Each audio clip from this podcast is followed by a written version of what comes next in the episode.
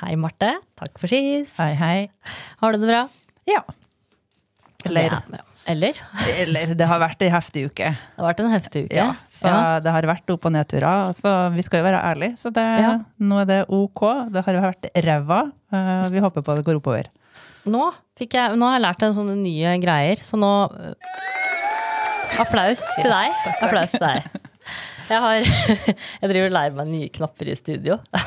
Så det er ikke bare det, Da prøver jeg ikke å lære meg bare sexy knapper, men andre knapper også. Ja, ja, ja. Men ja, bra. Du er ærlig. Vi skal jo være ærlige. Ja.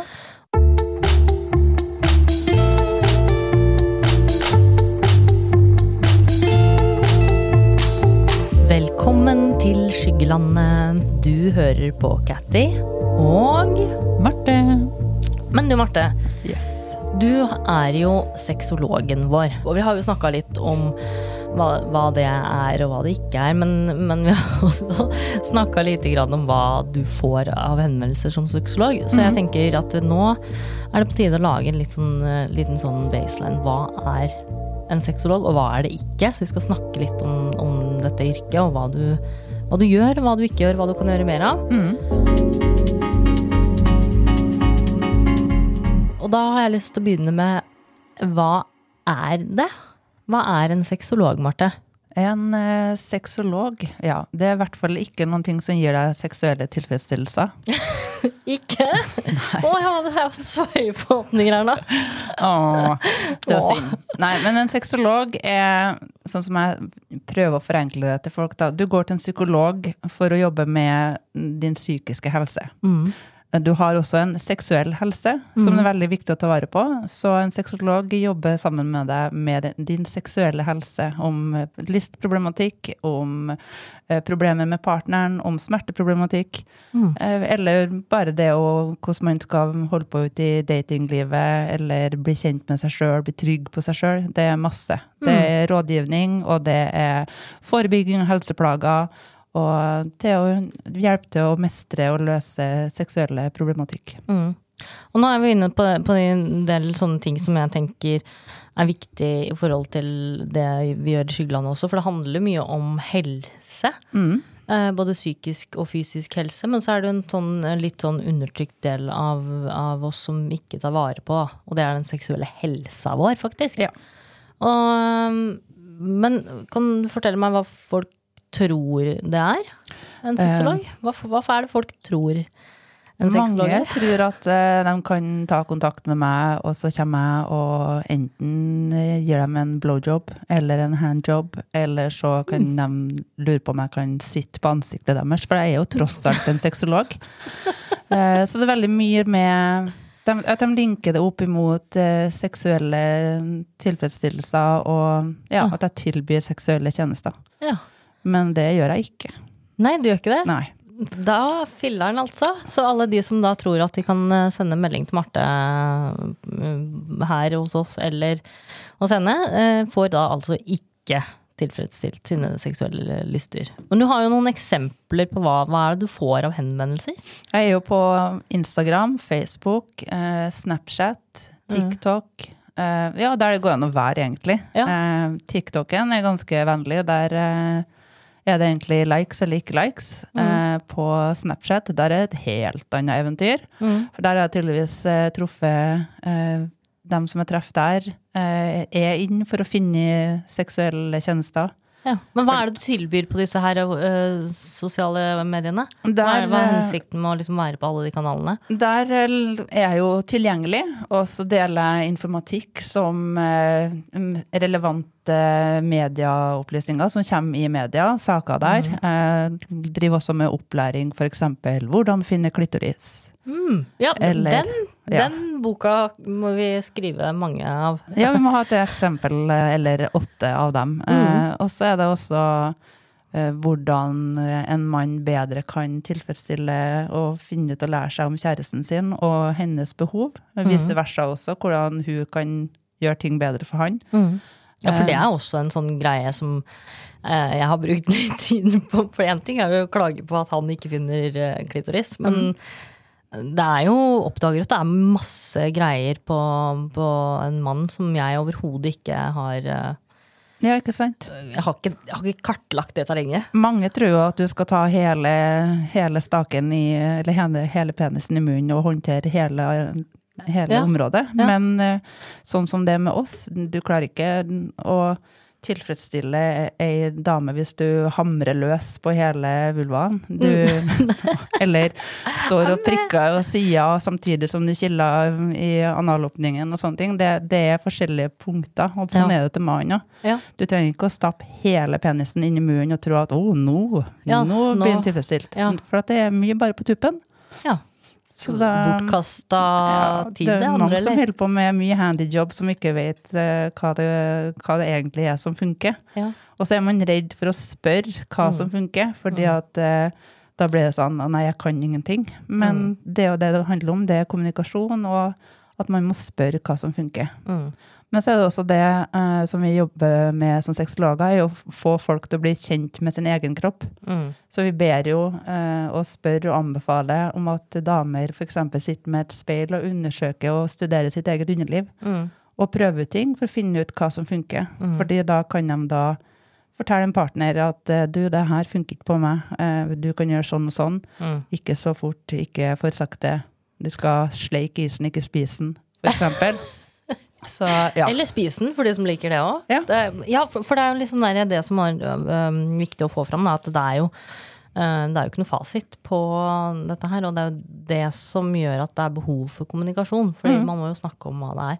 Men jeg, må, jeg er jo skyldig sjøl, da. Når jeg skal kose meg aleine, så er det liksom sånn Jeg går jo for sikkestikket. Ja, ja. Jeg går jo for mål. ja. de gjør jo det. Gidder jo ikke å liksom hm, La meg bruke en halvtime på dette, for det Ja, En halvtime er jo ingenting. Du har jo dem som ligger på timevis og bare pleaser og pleaser og edge og edge, og så bare Aleine? Ja. Nei. Å, ok, her har jeg mye å lære. Jeg vet ikke om det er særlig mange damer som gjør det, men mannfolkene kan gjerne holde på ei Mm. god stund med bare edging, og så før de lar det gå. Mm. Men her er jo liksom litt det som er så fint med, med sexolog, fordi du har jo mye kunnskap om forskjellige måter å gjøre ting på. Mm. Og det er jo det som, eh, som er eh, Mange av oss blir sittende fast i vår egen lille sfære og vår egen lille vei. Mm. Men hva slags eh, oppgaver som har, har du altså for, for nå, Du er jo på sosiale medier Mm. og er tilgjengelig der for spørsmål, og du deler en del ting. Eh, og så Instagrammen er kanalen der jeg deler mest, og så har jeg sånne småting som jeg deler ut på uh, Mm. TikTok og Snapchat. mm, Men Snapchat er mer den tilgjengelighetsbiten, og så komme i kontakt med. Uh, der har jeg fått en del stygge kommentarer òg, fordi at de tenker jo at alt skal foregå over teksting, men så prøver jeg å forklare dem at vi booker gjerne en time, og så snakker vi via Zoom eller noe sånt, og så er det jo en jobb, sånn Mm. at jeg tar jo meg betalt. Ja, ikke sant. Og det, nå er vi over på en annen ting som jeg tenkte på. For at nå har du forklart litt hva det er, hva, hvor, hvor du er, hvilke kanaler du er på. Men hva, er det, hva er det du får slags tilbakemelding på sosiale medier? Mange er, er der, eh, de som tar kontakt med meg, ønsker jo faktisk å ha en prat. Mm. eh, Sånn at det, det blir en eh, samtale, og, vi, og det blir flere eh, gjennomføringer. Altså vi Man booker en avtale, liksom? Ja, man har et forløp, da. Man vi klarer ikke å, eh, å redde verden ved én samtale. Eh, Så man må jo gjerne jobbe med det, og da blir det jo flere forløp. Eh, Og så har du jo dem som eh, kan ta kontakt eh, for å spørre eh, om småting, som jeg svarer på, sånn et og annet spørsmål. Mm. Eh, Men så er det jo dem som da tydeligvis er ute etter å få en seksuell opplevelse, og så Mm. blir sur på meg fordi at jeg ikke tilfredsstiller dem på den måten de ønsker. Du blir sur, faktisk. Ja.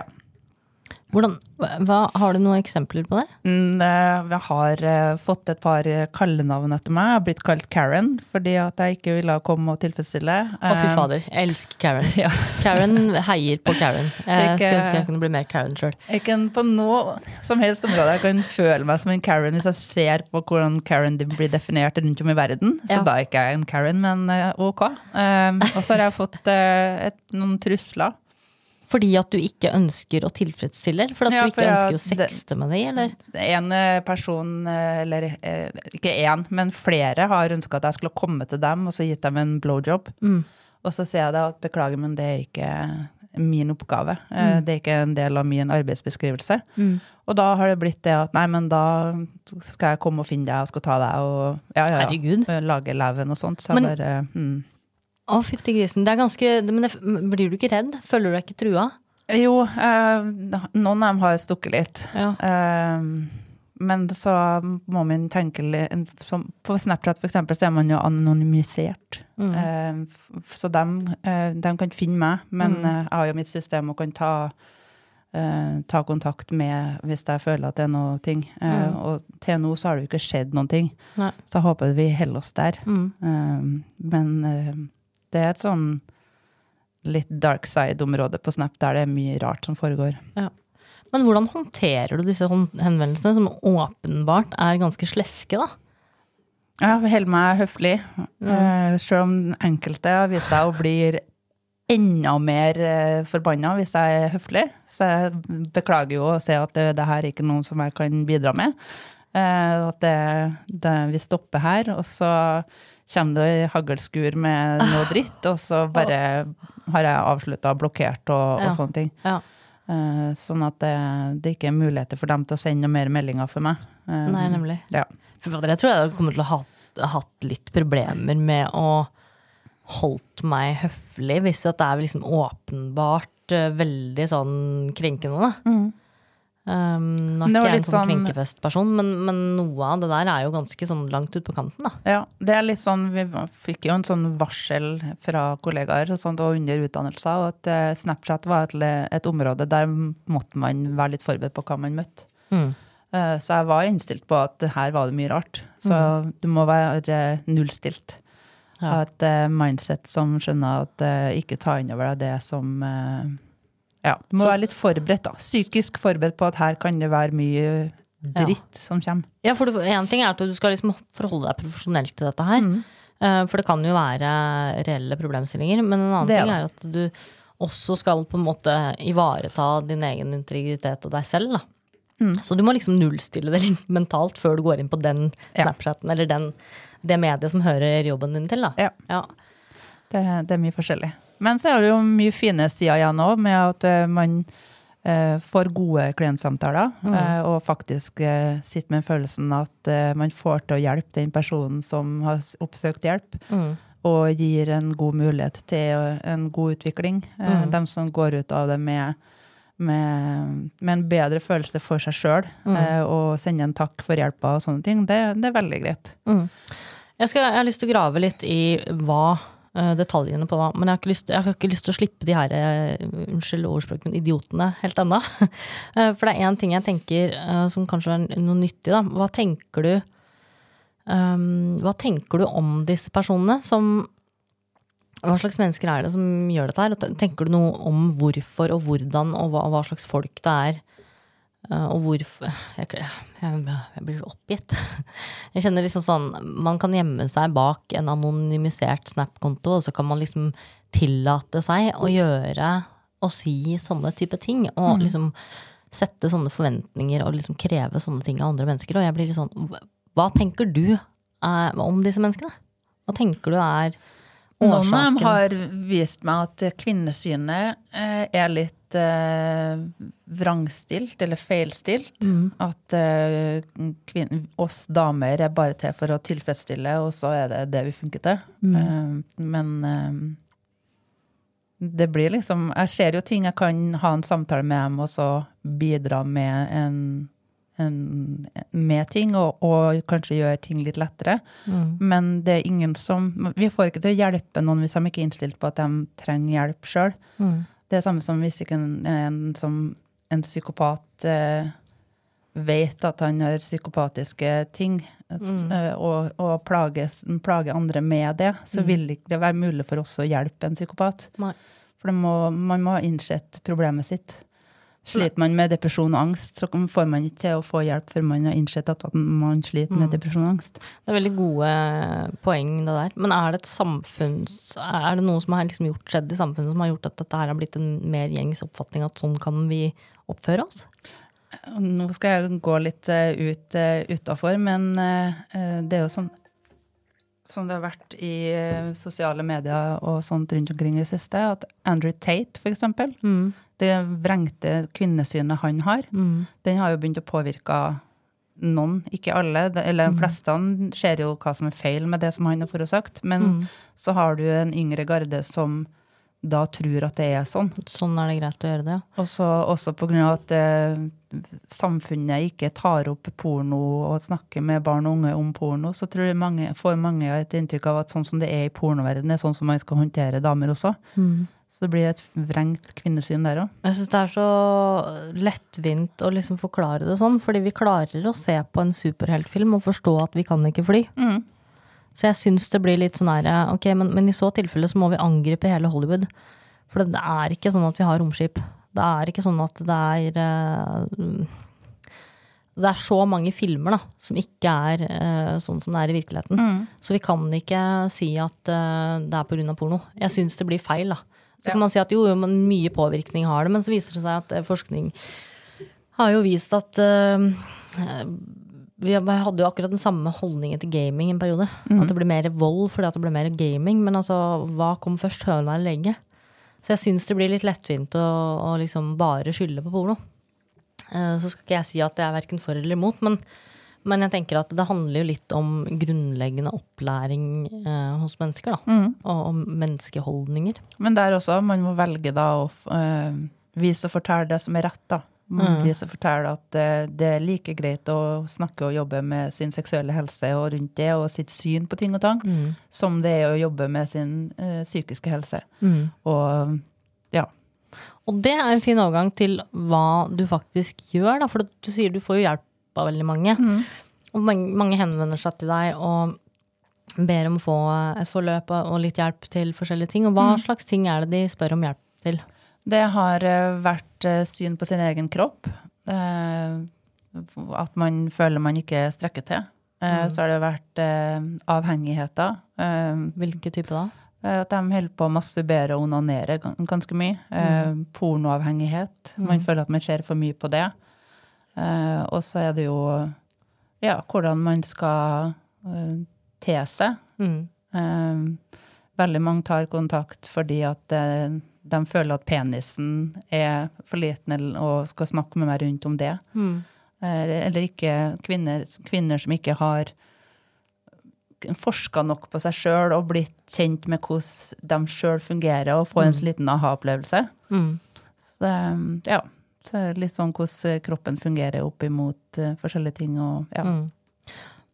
Hva, er det godt voksne, eller er det mye unge folk som kontakter deg? Mest voksne. Ja. Og så har jo jeg en åpenhet om at jeg ikke er noe redd for å snakke om fetisjer og kink og sånne ting. Så jeg får jo også mye innen fetisjverden. Eh, Sånn lateks. eh, Vi har vært innom fotfetisjer. eh, Dameklær. eh, Å kle seg opp i andre klær enn sine egne. Um, så det, det er mye spennende der òg. Og jeg har den tanken og den meninga om at det, det er ingenting som er feil. Mm. Uh, Så lenge det ikke går utover noen andre. Ja. Uh, Så alle har en viss grad for en fetisj eller en spesiell interesse, så det er ingenting som skal skues bort inn i et skap. Man kan snakke om det og finne en ting som funker for hver enkelt. Mm. Men er det ofte par, eller er det ofte single? Eller er det liksom blanding? Til meg så er det mest single. Ja. Mm. Og um, hvordan er forløpet, da, når du blir kontakta av noen som faktisk trenger hjelp, og du avdekker at ok, her er det litt seriøst? På, på Snapchat, da, hvis jeg skal bruke den kanalen, kanalen, så eh, blir det jo gjerne Da heter jeg jo sexolog Marte. Mm. Og da er jo veldig mange som tenker at oh, fancy navn, så her kan vi jo få noe hjelp på de dirty sidene. Um, men så forteller de at jeg er sexolog og parterapeut, og så får de linken til hjemmesida mi. Uh, og så spør de liksom, ja, mange kan spørre sånn som nå hva en sexolog gjør og holder på med, og så gir jeg litt informasjon om det. Og så kan de gjerne komme opp med eh, ting som de tenker på, eller føler at de kanskje trenger litt veiledning til. Og så forteller de forløpet at jeg, har, eh, jeg tilbyr samtaler via Zoom, mm. så de får en link i forkant av praten. Eh, vel å merke etter at vi har satt en dato og klokkeslett. Eh, og så gjennomfører vi eh, på 60 minutter, der, vi, der timene deres, da. Mm. Så vi snakker om det som er av deres eh, ønsker eller problematikk som de sliter med. Mm. You name it. Um, ja. Hva er det vanligste du snakker om? Hva er det liksom folk kontakter deg mest om? Nå har det vært eh, mest avhengighet. Hva, hvilke avhengigheter da? Pornoavhengighet er det som har vært eh, mest nå. Det har, går det i perioder? I Ja, året, litt liksom, rykk og napp. Um, ja, veldig rykk og napp, Mm. egentlig. Hva annet er det som er veldig vanlig? Eh, Det er den penisstørrelsen. Ja. Ja. Så, og så har jeg merka litt sånn eh, Litt vanskelighet å, å komme frem og stå frem eh, som sexolog her i Trøndelag, for det er litt skummelt ennå. ja. Så Det har jeg tenkt at jeg skulle spørre deg litt mer om Ja. etterpå. Men i forhold til det med, med avhengigheter, da. Uh, porno, penisstørrelse. Er, er det mest menn, eller er det noen kvinner også som har noe avhengighet der? har, sånn som har vært i kontakt med meg, så er det mest menn. Har du fått noen kvinner som har noen avhengigheter? Nei, ikke noe avhengigheter der. Det har jo vært snakk om eh, underliv og sin egen nytelse, og hvordan man kan gjøre ting bedre for seg sjøl og partner. Ja. Mm. Så det, når det kommer til menn, så er det mest øh, porno, penisstillelse og avhengigheter der. Mm. Og når det kommer til kvinner, så er det mest tilfredsstillelse og nytelse. Og se sitt eget syn på sin egen kropp. Mm. Mm. Ok, hva er, hva er definisjonen på en pornoavhengighet? Når liksom man bruker bare forbruker porno, og når har man gått over til å være avhengig? Pornoavhengighet er jo det når, eh, når den har tatt over på en måte hverdagen. Den påvirker arbeidslivet ditt, den påvirker den, psykiske helse, for at du går og tenker på å bli trigga av det hele tida. Det går utover familielivet, det sosiale og daglige gjøremål, for du velger å heller sitte hjemme og se på porno eller ha porno på i bakgrunnen, og så ikke møte opp på ting. Du prioriterer på en annen måte. Mm. Så det, mm, ja, det er en tilfredsstillelse av det psykiske da, inni deg. For du får jo en sånn, et, et kick og eh, et eh, behov for å tilfredsstille den lysten og den spenninga du kjenner i kroppen. Mm. Eh, jeg tenker litt sånn, for det er sikkert mange som, som er litt usikre på, på definisjonen. Liksom, når kan man liksom bare forbruke porno, og når, um, eller bruke porno som et hjelpemiddel, og når har man gått over til en avhengighet? Jeg hadde jo en sånn eh, opplevelse. Jeg var jo i, på ferie i Thailand nylig. 16 dager. Og der er det sånn du skal ikke, du skal ikke drive og ta med deg sexleverketøy inn i Thailand sånn helt uten videre. Um, sånn at jeg dro jo uten mine trofaste hjelpemidler. Og 100% ærlig her, da. øh, I løpet av de 16 dagene så klar, jeg klarte ikke å komme. Eh, og det er jo ikke sånn at jeg ikke altså jeg, jeg hadde jo mye å gjøre, og du er på ferie, og du har liksom andre ting å drive med. Men, men så har man jo sin egen tid uansett. Eh, og jeg hadde ikke sjans uten, uten hjelpemidler. Så tenkte jeg ok, kanskje jeg skal bruke litt porno. Og det er jo ikke sånn at jeg ikke har fått det til med, bare med hender før. Jeg har jo bare brukt hender eh, hele mitt liv omtrent. Men men så tenkte jeg prøve litt med porno, da. Eh, Ja. Og du har ikke tilgang til det heller, oppdaga jeg. Sånn at eh, det, det kunne jeg bare drite i. Uh, og da var jeg på bar bakke, og Ja. jeg tenkte faen, har jeg blitt avhengig av Er jeg avhengig av et hjelpemiddel eller to for å klare å komme og tilfredsstille meg selv? Og jeg ble litt stressa av det, da. Men uh, hva er dine tanker som sexolog rundt det? Jeg tenker det sånn som det er til meg òg, at eh, det er ikke alle det fungerer all naturell. Nei, det er ikke Så det. Så til noen så tar det mye lengre tid, eller at det ikke oppnås i hele tatt. Mm. Og så blir man jo vant til at det blir ganske enkelt med leketøy òg. Ja, Ja. for det var det jeg var litt redd for.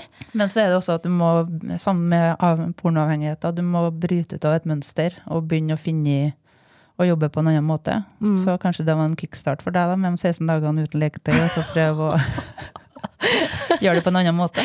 Ja, ja for det var det jo. eh, og så oppdaga jeg jo at eh, eh, fantasien er jo en sånn greie som man må enten bruke eller, eller ikke. Og det er klart at når jeg tenker tilbake til når jeg ikke hadde leketøy og ikke så på porno, så, så fikk jeg jo til dette her all naturell bare på noen minutter. Ikke sant? Ja. Og nå, har jeg, nå, nå strevde jeg jo Ja. i typ halvtime og mer. Det er jo litt sånne ting man kan snakke med en sexolog om, da, for å finne nye veier å gå. Bryte ut av vanemønster Mm.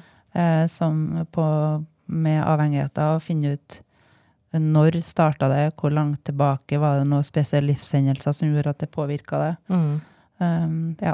Ja, for det også er en sånn greie at det handler litt om hvor man er i livet også. ja. Eller hva som har vært start og opphav eh, Mm. til ting og sang i livet. Så det driver og utfordrer meg til å, til å endre. Nei da. Eh, jeg syns det er fint med leketøy, ja. Ja. Um, det er dem som har slitt hele livet, eller hele sitt seksuelle liv, med å kanskje få til en orgasme eller å få til å komme, og så blir de introdusert til leketøy, Mm. og så har de oppdaga et nytt eh, kapittel. Ikke sant. Mm.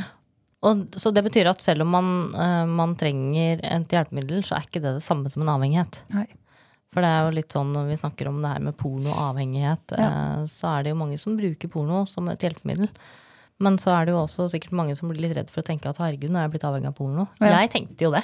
Eller I mitt stille at det er en, det er en synd, at de bruker noe grisete nå for, å se- for å få en tilfredsstillelse og få det til å komme. Ja, ja, ja. Men det, de fleste, det er jo som jeg har sagt tidligere, alle ser jo på porno, men ingen som snakker om det. Nei, nei alle Og- ser på det, men ingen Det er sånn, litt sånn som Se og Hør. Ja. Ingen leser det, men alle har det. Og så kom jeg over en eh, TikTok her, jeg tror det var i går. Der var liksom en mann som sitter i en sånn gruppe og sånn har dialog, som podkastgruppe, med at det blir livestreama eller sendt ut på TikTok, der han sa at de sitter og koser seg, og masturberer, og så bare nærmer seg punktet, og så går det for dem. Og så blir de egentlig klar over hva som foregår på den pornosnutten, og så har de kommet inn på en helt annen kategori enn de egentlig er. Så blir det sånn «Hø?» Ja, oh shit. Så det er sånn, Men det er bare liksom for å ha den triggeren til at Til å komme i gang. Ja. Ja. Men så stopper jo dem der. Mens de som er på den avhengighetsbiten, de lar jo bare det stå på. Mm. Og så går og har den Som en sånn radio i bakgrunnen. Ja, akkurat. Nemlig. Ja, i så tilfelle så jo, ha, Ja. jeg er ikke pornoavhengig. Men jeg er litt avhengig av å ha det der hjelpemiddelet. Så det kan Ja. hende at jeg bare skal prøve mm, å finne Sette en liten pause og se hvordan det utvikler seg, da. For det har jo um, har, Ja, det er som du sier, du bruker det som på en kickstarter, og så Mm. bare ferdig med det. Og så blir man vant til, for at vi damer vi bruker lengre tid. Ja, så du Og blir da- liksom vant til at det er så snedig. Ja, Det det, fort det funker jo nesten hver gang, men eh, ja, Mm. det gjør jo ikke det. Nei.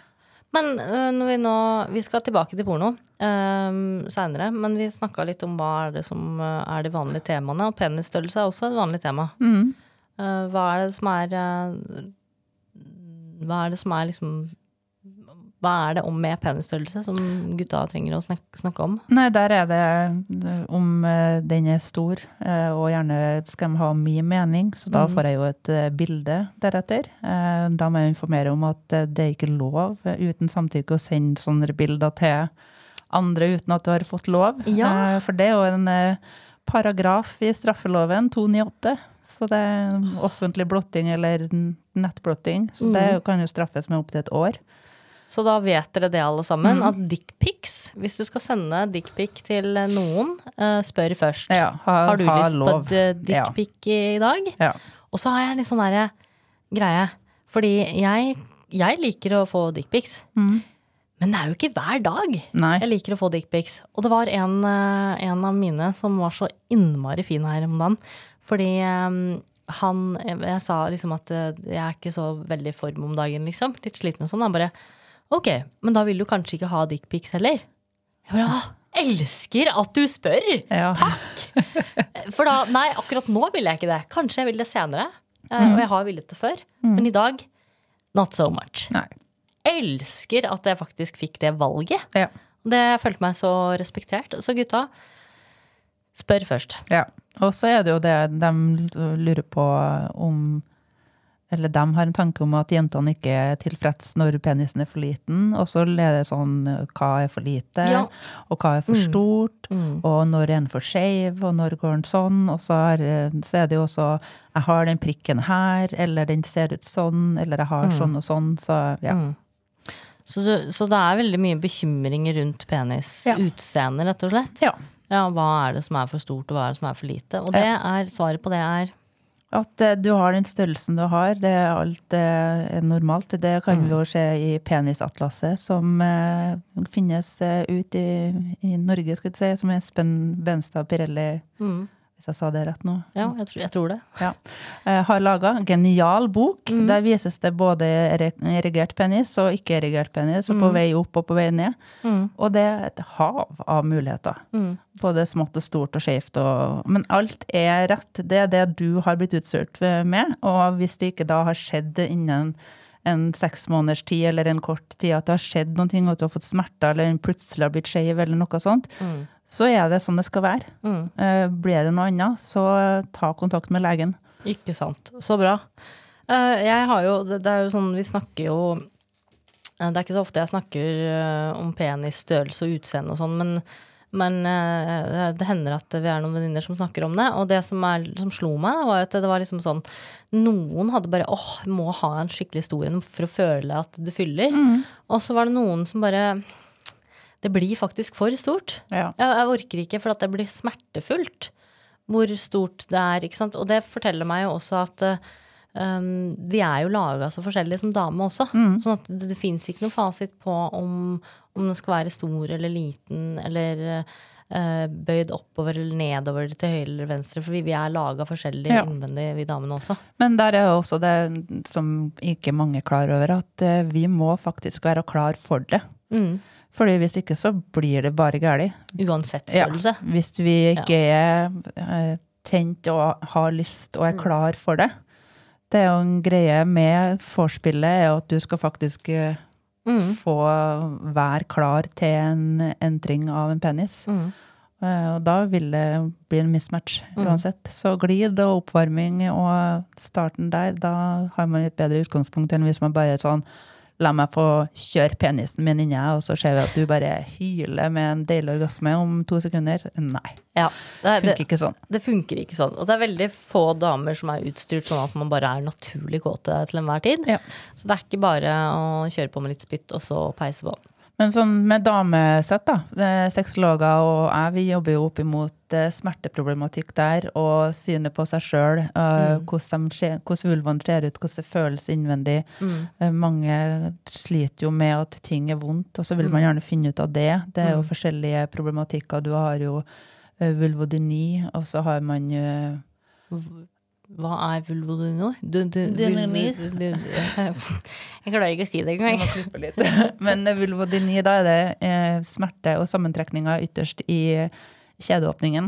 Ja, okay. Som eh, hindrer at eh, du kan få komme inn. Så da Ja. er det jo øvelser, sånn som man snakker om der. Mm. Og vise, eller ikke vise, men forklare hvordan man skal gjøre det. Og så prøver man gjennom for å finne ut av det. Mm, Der er også anbefalt å dra til lege og forsikre at det ikke er noe annet galt. mm, Men så har du også endometriose, mm. som er eh, en lidelse for eh, livmora og sånne ting, som Mm. gir mye smerteproblematikk der. mm, Men så er det eh, Du kan ha opplevd traumatiske tinger eller stress og sånt som legger seg i muskulaturen i bekkenet. mm, For der har vi veldig mye muskulatur, og Mm. da vil man få vondt og ha problematikk med smerter. mm. Under samleie og andre ting. Så da Ja. er det jo det er masse avslapningsøvelser og andre øvelser som man kan gjennomføre for å få Mm. en eh, bedre opplevelse både seksuelt og ellers. Mm. Så det, det er mye som kan jobbes med til damer òg. Og så Ja. er det den forståelsen for både damer og menn at klitorisen er ikke en knapp som ligger øverst i vulva. Det er en Amen. ja, det er noe som går fra øverst i vulvaen helt ned til endetarmen, og Ja. kan bli opptil 12 cm Ja. lang. Mm. Eh, og sånt. Så det er ikke bare en liten dings. Jeg eh, kjøpte meg et uh, smykke um, fra Ilda Design. Eh, om, det er liksom en klitoris, da. Mm. Det, det er jo så mange som lurer på hva det Fint smykke du har, hva er det for noe? Ja. Det er så utrolig samtalestarter. Ja, ja, ja. Og så er det jo så utrolig fint å kunne liksom uh, være med og utdanne og, og fortelle folk at ok, dette her er faktisk hele. Mhm. Og så blir jo mange overraska, fordi det er jo ikke sånn vi ser på den. Jeg har også fått kommentarer om at den ikke er estetisk korrekt. Eh, og så er det jo ikke estetisk korrekthet vi er ute etter. Vi er liksom ute etter Dette her er faktisk hvordan den ser ut. Ja. Denne dingsen på 12 cm, den er laga bare for at jeg skal ha det godt. ja. Ikke noe annet. Den, den har ingen annen funksjon. Nei, det er bare din nytelse og tilfredsstillelse.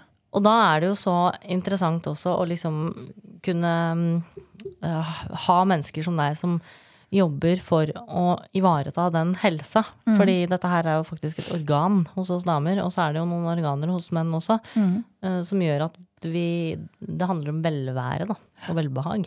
Vi har jo punkter i underlivet som er med på å gi litt ekstra nytelse, G-punktet, A-punktet og sånne punkter. Eh, Men det som mange ikke klar over, da, det er jo at vi har ikke en nerveender og kan tilfredsstilles i hele kjeden. Nei. Det er jo i klitorisområdet, eh, der den blir truffet ved penetrering og sånne ting. fordi Mm. at Tenk da hvis vi skulle hatt nerveender som har gått i hele eh, mormunnen Nei, i hele kjeden, og så skal vi begynne å føde, og så skal vi begynne å presse en baby ut gjennom. Det har Ja. vært grusomt vondt. Det er vondt nok fra før av, Ja. men at det der skal bli trigga, så det Ja. Ja. Vi, vi har det ytterst, ja. eh, ikke hele veien. Nei. Og det er, eh, det er fint å kunne liksom eh, Det er fint at det endelig går an at man kan ha noen som har dette her som yrke. Fordi vi har jo leger, og vi har psykologer, og vi, det er fysisk helse og psykisk helse, men så er det jo eh, kjempeviktig å ta vare på den seksuelle helsa òg. Ja, absolutt. vi er jo designa for å reprodusere, Ja. um, så det er jo en av de viktigste oppgavene våre. Og hvis man ikke vet hvordan man eh, fungerer når man skal reprodusere eller ha nytelse, så sitter man litt fast. Ja, man gjør det, altså. Um, så det var liksom et, et par ting man, du snakker om, og som du har i jobben din. Um, hva, hvor skulle du ønske at du kunne gjøre mer? Hvor er det du ikke er på banen, som du skulle ønske du kunne være litt mer på banen? Jeg skulle ønske jeg har kommet Det jobber jeg jo med på daglig basis. Komme ut og treffe folk eh, og treffe dem som trenger det. Mm. Men det må jeg bare ta Jeg er litt sånn Jeg vil at ting skal skje litt fortere og raskere enn det gjør. Så at jeg er litt Helst. overivrig og helt skulle ha fylt opp hele kalenderboka mi med en gang. Men Skulle det, helst ha skjedd i går. ja, jeg det kjenner varierer til noen litt. som er sånn, jeg òg. Eh, Men så er jeg også utdanna didaktisk sexolog. Det var jeg jo innom eh, en, for noen episoder tilbake. Og der eh, skal jeg ønske at jeg har fått eh, lov til å komme ut til flere skoler og snakka med barn og ungdom og eh, lærere og foreldre og sånt, eh, hvordan man kan snakke med barn, og, og hatt undervisning og sånt. Jeg har eh, et samarbeid med en skole her i Trondheim, og det, hver gang så er det veldig artig å få prate med, med dem som er der, eh, og, og se at de har eh, hvordan de tar imot det, og får høre og svare på spørsmålene deres. Mm. Så, så jeg vil jo selvfølgelig komme ut til flere og treffe flere. Eh, Men man må starte eh, ganske ferskt i, i bedriften ennå. Men eh, ja. Hva, hvilken, hvilken aldersgruppe er det du snakker med da? Da har det vært sjette og sjuende klasse. Mm. Og så har jeg snakka med foreldre i sjette klasse om eh, pornosamtale med barn. Mm. Eh, Så da er jeg ute og holder foredrag. Ja. Eh, Så har jeg også vært på NTNU og Ja. snakka med veiledere der. Så mm. det, det er veldig mye spennende. Og jeg, blir, jeg får et sånn adrenalinkick og et sånn pump så for å sveve på en rosa sky etterpå. Det er så, det er så herlig. Så gøy. Og så se at det, det som jeg gir dem av informasjon og læring, er noe de tar til seg. Ja, og dette her er jo en av de viktigste områdene, for, for vi har det jo med oss hele tida. Mm. Enten vi vil eller ikke. Så det er jo en grunn til at sex selger i media, liksom. Ja. Så det er liksom hvorfor ikke bare ha en ordentlig god grunnopplæring i dette her. Ja. Men hva, så det er ikke bare barneskole og ungdomsskole, altså, um, men det er også universiteter. Ja, alle aldersgrupper, alle Mm. former for eh, faser i livet. Hva er det ungdommene spør mest om? Der er det mye spørsmål rundt eh, sin egen kroppsutvikling i puberteten og sånt. Og så har det vært eh, eh, spørsmål rundt eh, første gangene man har sex. Ja. Og så er det jo om beskyttelse under sex, og hva som kan skje om og hvis ikke. Mm. Um, ja, så er det litt sånn forskjellig. Og gutta syns det er veldig fascinerende og spennende å høre, sitte og bli fortalt eh, hvordan og hva det fungerer, og hva som skjer i kroppen til jentene, og jentene vice versa. Men så er det jo samtidig yberst flaut. Så Ja, ja, ja, ja det, herregud. det blir mye latter. Ja, men det er bra. Ja. Og så tror jeg det er liksom viktig å, at ungdommene også blir møtt med en litt avslappa Ok, det, det her er flaut nok fra Ja. før, liksom, så la oss ikke gjøre det kleinere. Men eh, nå skal jeg stille 10 000 kroner spørsmålet.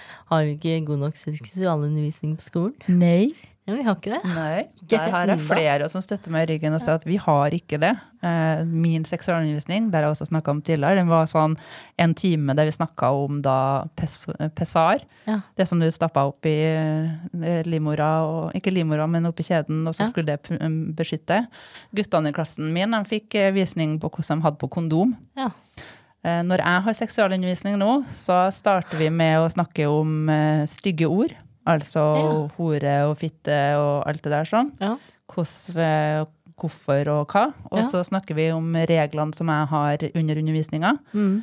Og så kommer, går vi inn gjennom kjærester og kjærlighet og mobbing og sånne ting, før vi da går over til å snakke om utvikling i kroppen og sånne ting. Aha, hvorfor, hvorfor gjør du det på den måten? Fordi at da setter jeg på en måte litt eh, standarden for hvordan jeg vil ha det. Og så får vi snakka samtidig om at eh, jo, vi skal snakke om ting som er flaut, men uh, vi tar det litt steg for steg. Du lager noen trygge rammer da, Ja. som gjør at det kanskje ikke blir så innmari flaut, men at det har en sammenheng. Så jeg snakka jo med en klasse her også som fortalte meg at nei, det var jo så grusomt flaut. Og der, og så sa jeg det at, men det som er fint, er at jeg syns ikke det her er flaut. Mm.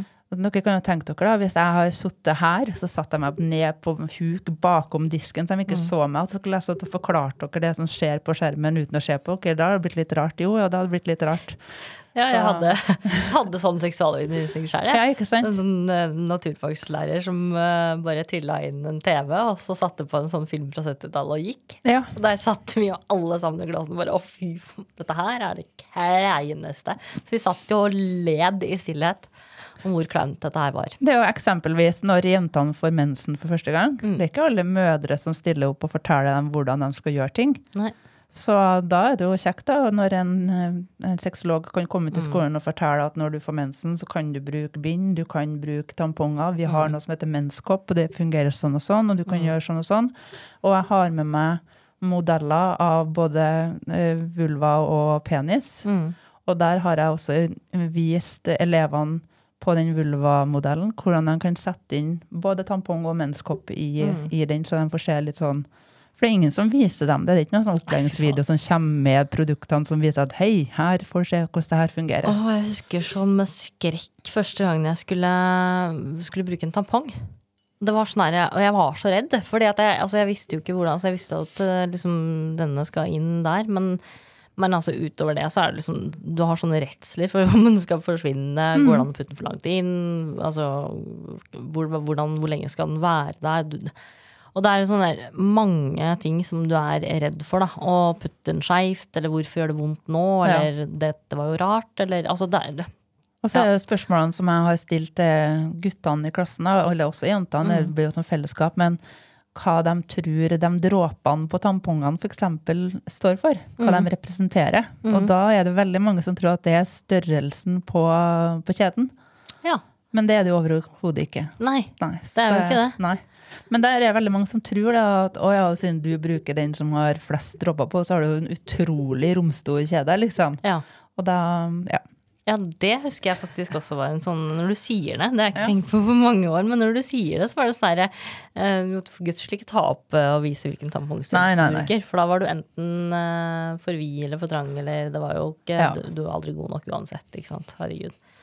Men, men når du har uh, klienter uh, i dag som er voksne, Mm.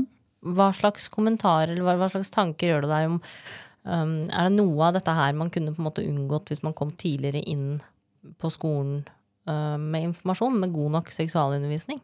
Jeg har fått hørt av lærere som har vært med i undervisninga, at hadde jeg hatt det her når jeg vokste opp, så hadde jeg hatt et helt annet utgangspunkt. Mm.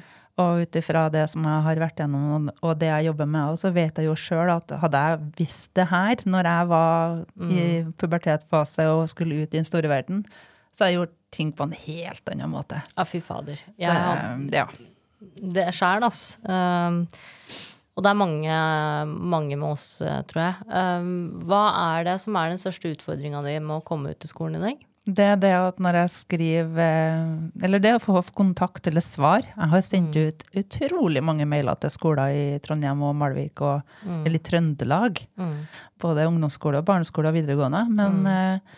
der er det, det er veldig mange som har samarbeid med helsesøster og helsesykepleier og sånne ting. Eh, Eh, men eh, de vil ikke involvere en sexolog. Og så tror jeg det er sånn som andre kollegaer har sagt, at når de ser at det står sex, så blir det skummelt.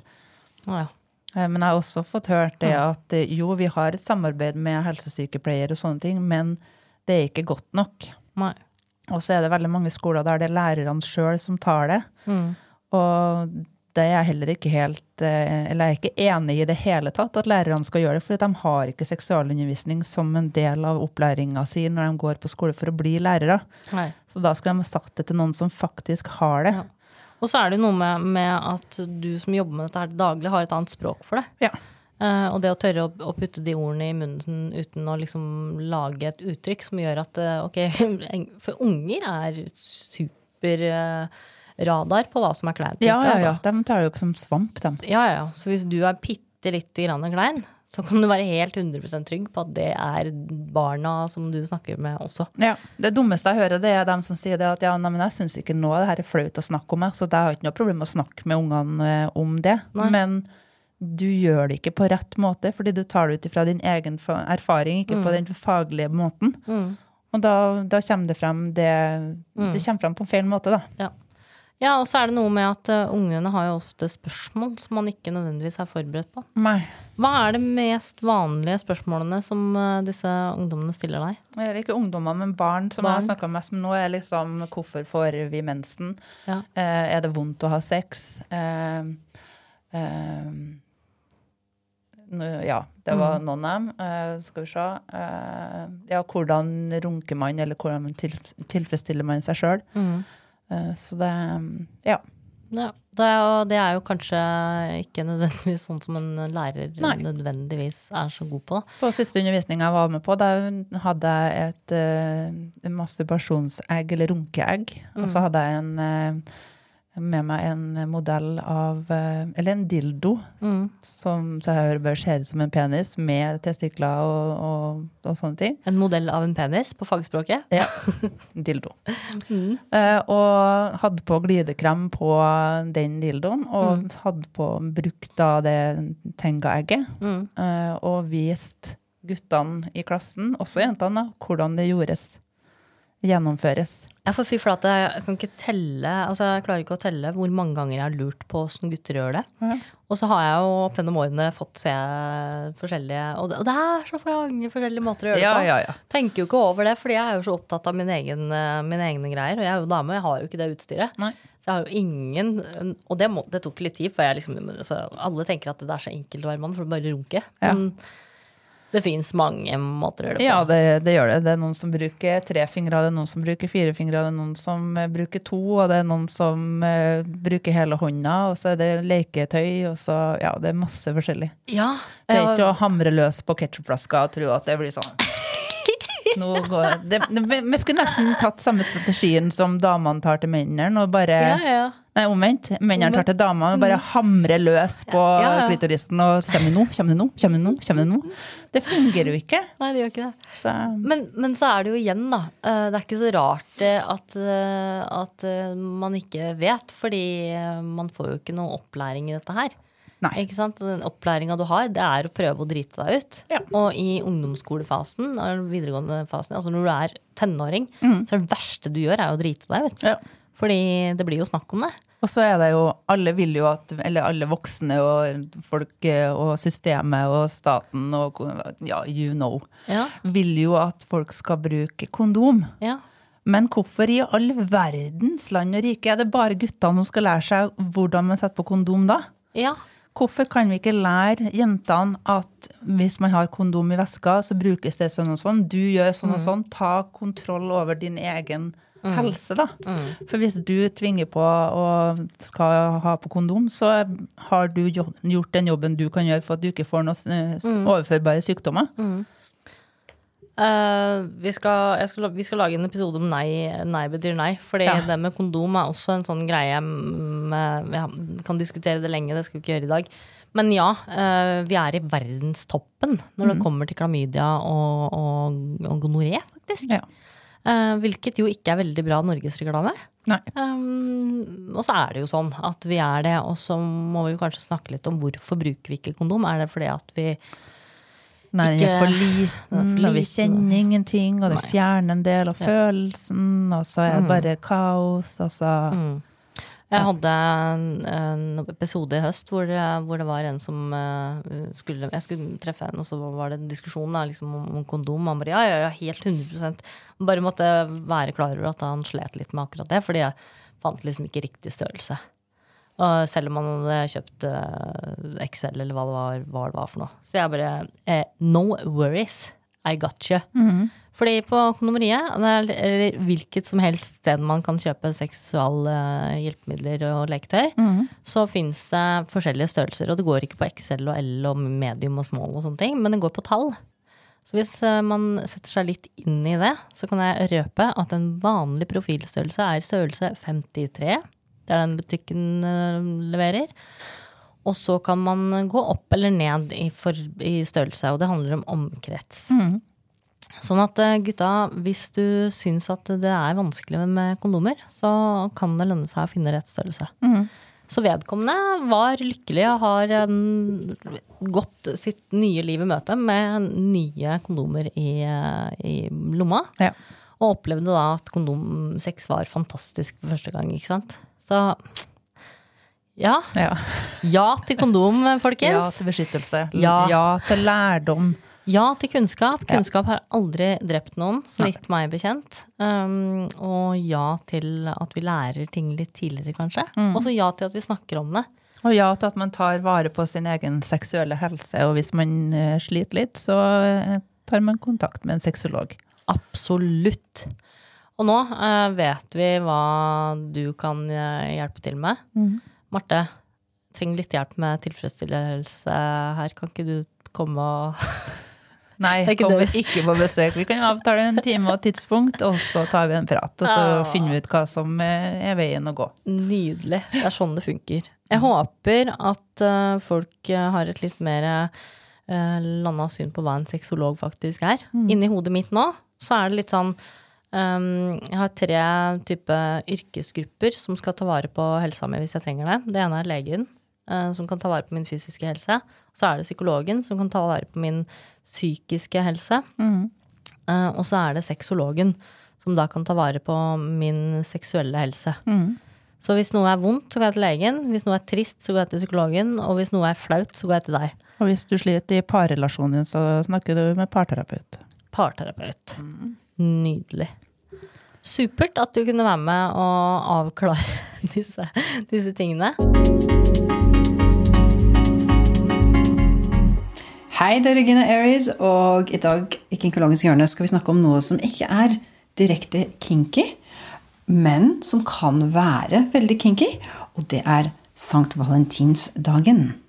Valentinsdagen, eller alle hjertes dag, Kjærlighetsdagen, Feast of St. Valentine, som det også heter, er rett rundt svingen. Og det er en del som da legger opp til at det skal bli noe blomster, litt sjokolade, noen gaver for sin kjære på den dagen. Kanskje gå ut til middag og kose seg i noe litt ekstra spesielt. Og har man da en kinky og litt alternativ legning, så kanskje noe ekstra juicy som eh, ligger i vente for den dagen. Men det er ikke en stor feiring i Skandinavia. Det er mest i England, USA, engelsktalende land um, og litt, litt grann i uh, Europa. Det er en kommersiell drivkraft for å gjøre denne dagen større enn den egentlig kulturelt er. Fordi det trengs noe for butikkene også å selge eh, imellom jul, nyttår og påske. Så valentinsdagen blir den neste tingen rett etter eh, nyttårsfeiringen har slappet av. Så begynner vi jo å se hjerter og Eros, Cupido, kjærlighetssymboler, duer, kort eh, altså Bilder av alt sånne ting på forskjellige ting, små sjokolader. Og det gires opp til denne neste salgsdagen, som er 14. februar. Da det heter Sankt Valentin, så har det med en kristen helgen å gjøre. Men ikke bare én. Valentin var navnet på flere som eh, ble mm, henrettet eh, i romersk tid og ble forfulgt for sin kristne tro. Og da ble mm, opphøyd senere til en sankt fordi de led en martyrs død. Og en martyr det er en person som ble drept pga. sin religiøse tro eller annen spesifikk tro på en sak. I tidlig romersk tid så var det en fruktbarhetsfest som het Lupercalia-festivalen, som startet i februar, den 15. februar. Og det er trodd at dette her er knyttet, har blitt knyttet gradvis til eh, det kristne Sankt Valentins. Fordi Sankt Valentin av Roma, som var rundt 270 etter Kristus, han hadde skrevet et brev til sin kjære og signert den fra din Valentin rett før han skulle henrettes. Og dette uttrykket av kjærlighet passet veldig bra sammen med den dyrkingen eh, under denne fruktbarhetsfestivalen med gudinnen Juno, som representerte kvinner og ekteskap. Og på folketro, på gammel eh, bondegårdstradisjon, så trodde de at den 14. februar var dagen som fugler flokket sammen til å pare. Til å finne sin make. Sammen så blir det veldig passende da at dette da ble en konkret dag på en konkret tid i februar, som ble um, da en kjærlighetserklæringsdag. Den er konkret nevnt i et dikt fra den engelske dikteren Chaucer på 1300-tallet som heter 'Fuglenes parlament'. Og da sier han helt uh, spesifikk For this was the St. Valentine's Day, when every bird cometh there to chase his make.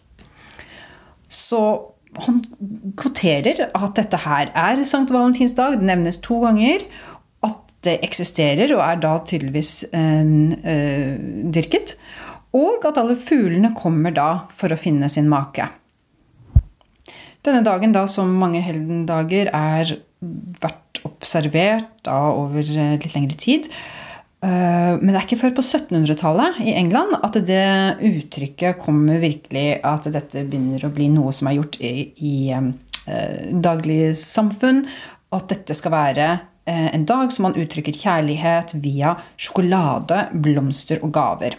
Og da begynner vi også å se det som vi begynner å kjenne igjen fra i dag, med alle disse duene. Og der duene, da får vi jo disse fuglene inn. Um, og hjerter og Cupido, som representerer kjærligheten. Um, og ekteskapet. Dette samholdet mellom par. Det er jo sagt at med sånne dager at man trenger ikke en dag til at man skal feire noe spesielt. For dette, det er ting, altså kjærlighet, da, at man skal være i um, kontakt med det hele tiden. Og kunne gi partneren sin gaver og sånt uh, på andre tider av året også, ikke bare på én dag. Men det fine med sånne dager er at det er en påminnelse at uh, å gjøre noe litt utenom det vanlige. Og da for en kinky og sexy relasjon så er det jo en perfekt anledning til å gjøre noe litt utenfor det vanlige.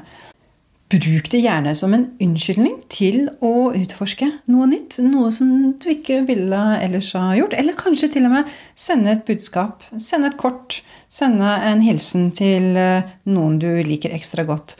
Og på denne dagen så er det jo lov å sende en sånn hilsen litt anonymt og bare skrive 'Din hemmelige Valentin'. Um, hvis uh, du har noen spørsmål i forbindelse med det vi har snakka om i dag, ikke du Marte, men du som lytter på, uh, så kan du ta kontakt med oss. For øvrig så tar vi gjerne imot spørsmål eller uh, kommentarer i våre sosiale medier. Mm. Eh, du kan eh, sende det mm, anonymt hvis du vil, til skyggelandpodden at gmail.com. Eller så kom gjerne med innspill på vår Instagram eller eh, TikTok eller, eller, eller. Mm. Hvis du har forslag til temaer, så kom gjerne med det også. Og hvis du har lyst til å være med som gjest, hvis du har noe som du tør å snakke om, eller som du har lyst til å få fram i dagen, og har lyst til å være med som gjest, så kan du faktisk være med på det også. Vi har veldig gjerne lyst til å komme i kontakt med deg som uh, har noen uh, litt, kanskje litt kleine, litt flaue greier, men som er tøff og modig nok til å snakke om det. Vi har lyst til å uh, få tak i par som uh, gjerne har slitt litt, eller kanskje har noen erfaringer som uh, kan hjelpe andre. Så ta kontakt med oss på Skyggelandpodden. Enten på Instagram eller på mail. Mm. Og så får vi bare si takk for i dag. Vi høres. Takk skal du ha, Marte. Takk, takk. Ha det bra. Ha det.